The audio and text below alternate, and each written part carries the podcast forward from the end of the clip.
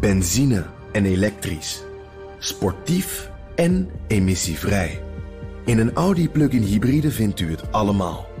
Ervaar de A6, Q5, Q7 en Q8 standaard met quattro vierwielaandrijving. Wat u ook zoekt, u vindt het in een Audi. Audi. Voorsprong door techniek.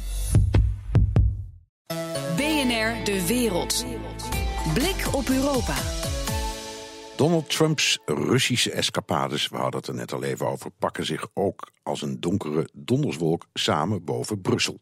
In Europa voelen ze zich buitengesloten, weten ze niet waar ze aan toe zijn en worden ze er zenuwachtig van. Europa-verslaggever Jesse Pinster, hoe heeft het lekken van geheime informatie naar de Russen invloed op Europa?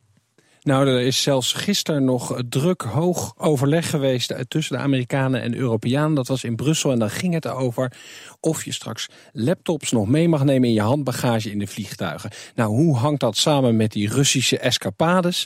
Uh, Trump die heeft in een gesprek met de Russische minister van Buitenlandse Zaken Lavrov gezegd dat hij informatie had over laptops waar bommen ingestopt zouden worden. Die informatie zou dan afkomstig zijn geweest volgens nieuwsberichten van de Israëlische geheime dienst. Nou ja, die aanwijzingen zijn waarschijnlijk de reden dat je al vanuit het Midden-Oosten, Noord-Afrika, niet meer je laptop in je handbagage mag stoppen. En er zijn allemaal plannen om dat ook in te gaan voeren voor vluchten van Europa naar Amerika. Daar wordt dus druk over onderhandeld. BBC vermeldde vanmorgen, ja, gaat allemaal niet door, maar die hebben echt te vroeg gejuicht, want ik heb het bericht nog eens goed nagelezen. En ik bedoel, er is wat informatie uitgewisseld en er is afgesproken volgende week verder te praten. Maar uh, dit verbod op laptops is nog niet van de baan. Zijn ze in Brussel wel helemaal bijgepraat hoe concreet de dreiging is van bijvoorbeeld IS-bommen in laptops? Nee, Helemaal niet. Uh, Politico, de uh, nieuwswebsite die goed ingevoerd is in Brussel, die heeft allemaal uh, eh, EU-ambtenaren daarover gesproken. En die noemen de communicatie van, van de Amerikanen weird, raar. En dat er eigenlijk nauwelijks specifieke informatie over die dreiging komt. En ja, die informatie die is, hangt natuurlijk heel erg samen met het besluit of Europa ook zegt van ja, natuurlijk, die laptops die moeten allemaal netjes ergens ver weg in het vliegtuig weggestopt worden. Dus ja, ze zeggen die informatie hebben we niet, dus we kunnen niet meegaan. Tegelijkertijd lezen zij ook de Amerikaanse kranten en lezen ze alle verhalen over wat de Russen wel te horen krijgen. En dat geeft toch in Brussel het gevoel dat zij nee, overgeslagen worden. Zij zijn toch altijd een belangrijke bondgenoot geweest en niet de Russen. Hoe kan het nu zo zijn dat dit op deze manier gaat? En je krijgt natuurlijk ook zorgen over, ja, kan je nog wel informatie met de Amerikaanse overheid delen? Die zorgen zijn er trouwens ook in Nederland, maar daarover hoor je in Spitsje van uh, Jaap Jansen, onze politiek verslaggever, nog veel meer. Straks kan het allemaal besproken worden met Trump zelf. Over precies een week is de Amerikaanse president in Brussel. Zijn ze in Brussel al een beetje klaar voor dat bezoek?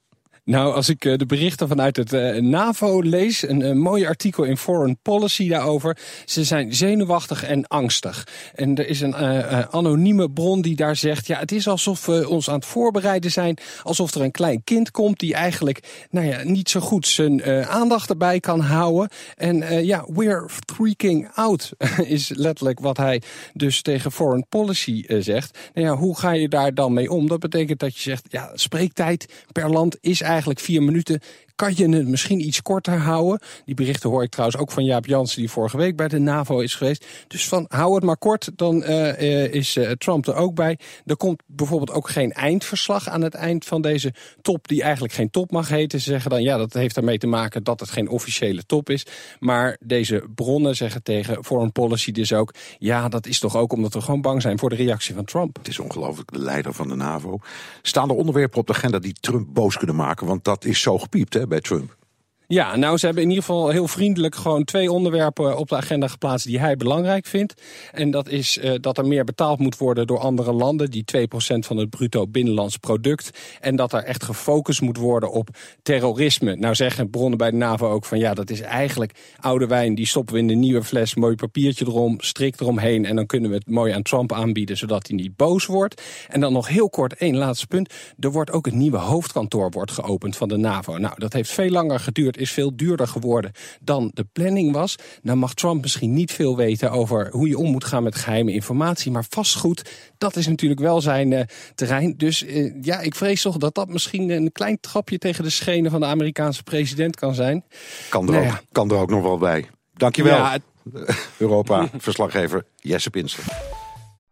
benzine en elektrisch, sportief en emissievrij. In een Audi plug-in hybride vindt u het allemaal. Ervaar de A6, Q5, Q7 en Q8 standaard met quattro vierwielaandrijving. Wat u ook zoekt, u vindt het in een Audi. Audi.